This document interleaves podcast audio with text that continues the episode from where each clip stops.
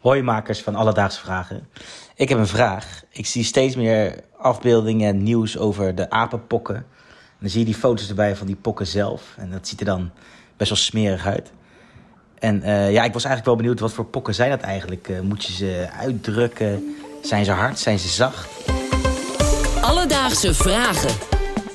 NPO Radio 1. BNN Vara. Podcast. Met Merel Wielaert en Ilan Hoekstra.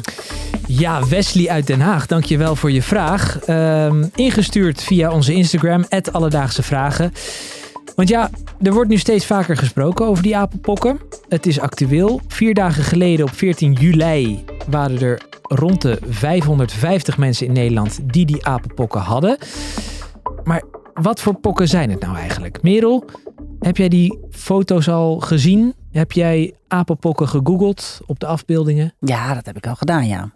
En wat is jouw eerste reactie? Nou, niet dat ik me afvraag of ik ze uit moet drukken of, uh, of moet duwen. Ja, Wesley, ieder sorry. Ding, ieder zo zijn ding. Um, huisarts Bernard Leenstra en viroloog Mark van Ranst die leggen uit wat nou een apenpok precies is. Vaak is het vocht wat erin zit wat geler. Um, wat je typisch ziet zijn de klassieke pokken. Dus dat zijn grote papels, hè, bulten uh, op het lichaam. En dat kan heel verschillende vormen aannemen. En waarom kan dat verschillende vormen aannemen? Omdat dat door verschillende stadia gaat. Dat begint als een, als een blaasje. Die enigszins lijken op bijvoorbeeld die van gordelroos, als iemand weet wat dat is. En ze zijn alleen wel wat groter, deze, uh, deze blaadjes. En dan wordt dat een korstje, dan valt dat korstje eraf. En op elk van die momenten ziet dat er natuurlijk anders uit. Ja, naar mijn mening eh, zien die pokken er eigenlijk uh, in fase 1 uit als een soort van puist met zo'n wit puntje. Fase 2 is het een uitgeknepen pukkel met een soort wit rondje eromheen. Dus niet in het midden, maar omheen. En in fase 3 is het ja eigenlijk gewoon een soort wondje. Nou, ik heb, een, je, ik heb je nog ja. zo vies naar me, naar me zien staren. Ik vind het een hele uh, smakelijke dag dit. Ja, nou, waar ontstaan die blaasjes dan eigenlijk? Nou, op de plek waar je contact hebt gehad met de persoon die besmet is. Dus stel jij hebt seks uh, met iemand, dan ontstaan deze bultjes in de schaamstreek. En als je bijvoorbeeld, uh, weet ik veel, blootbastig met iemand uh, hebt lopen knuffelen, waar die bulten waren, dan uh, krijg je het op je borst, op je schouders, et cetera. Oh echt? Het is ook gewoon huid op huid? Oh. Het is het, absoluut huid op huid. Dat is de enige manier hoe je het over kan dragen. Um, en als je die pokken hebt, dan kun je ook klachten krijgen als hoofdpijn, spierpijn, koorts, et cetera. Vraag 2 van Wesley. Moet ik de pokken uitknijpen als ik ze heb? Ja, dat kan je beter niet zelf doen. Uh, wanneer je de diagnose wil stellen, dan uh, kan men in het, uh, in het hospitaal, bij de dokter, kan men daar een prikje in maken en dan in dat vocht, en dat vocht is zeer infectieus, dus daarom moet je ermee oppassen. in dat vocht kan men dan heel makkelijk met een, met een PCR dat virus gaan detecteren. Daar hebben we weer de PCR-test.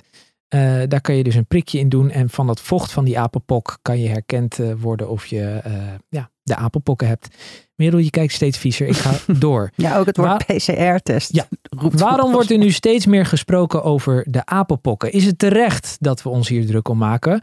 Is het bijvoorbeeld het nieuwe coronavirus? Ja, met corona, je kan dat niet vergelijken met corona. Het zijn totaal verschillende virussen. De overdracht gebeurt op een totaal andere manier. Uh, bij corona hebben we nu ja, zitten we al meer dan 6 miljoen doden wereldwijd. Dat is een cijfer wat je hier niet gaat kunnen bereiken. Hè. Gelukkig. Nu pas op, er is ook iets haas aan de hand. Wanneer je apenpokken krijgt in Centraal-Afrika, zeg maar in Congo, dan is de kans dat je daaraan sterft is dat ongeveer 1 op 10. Wanneer je dat krijgt in West-Afrika met een iets andere stam, dan is die kans 1 op 100.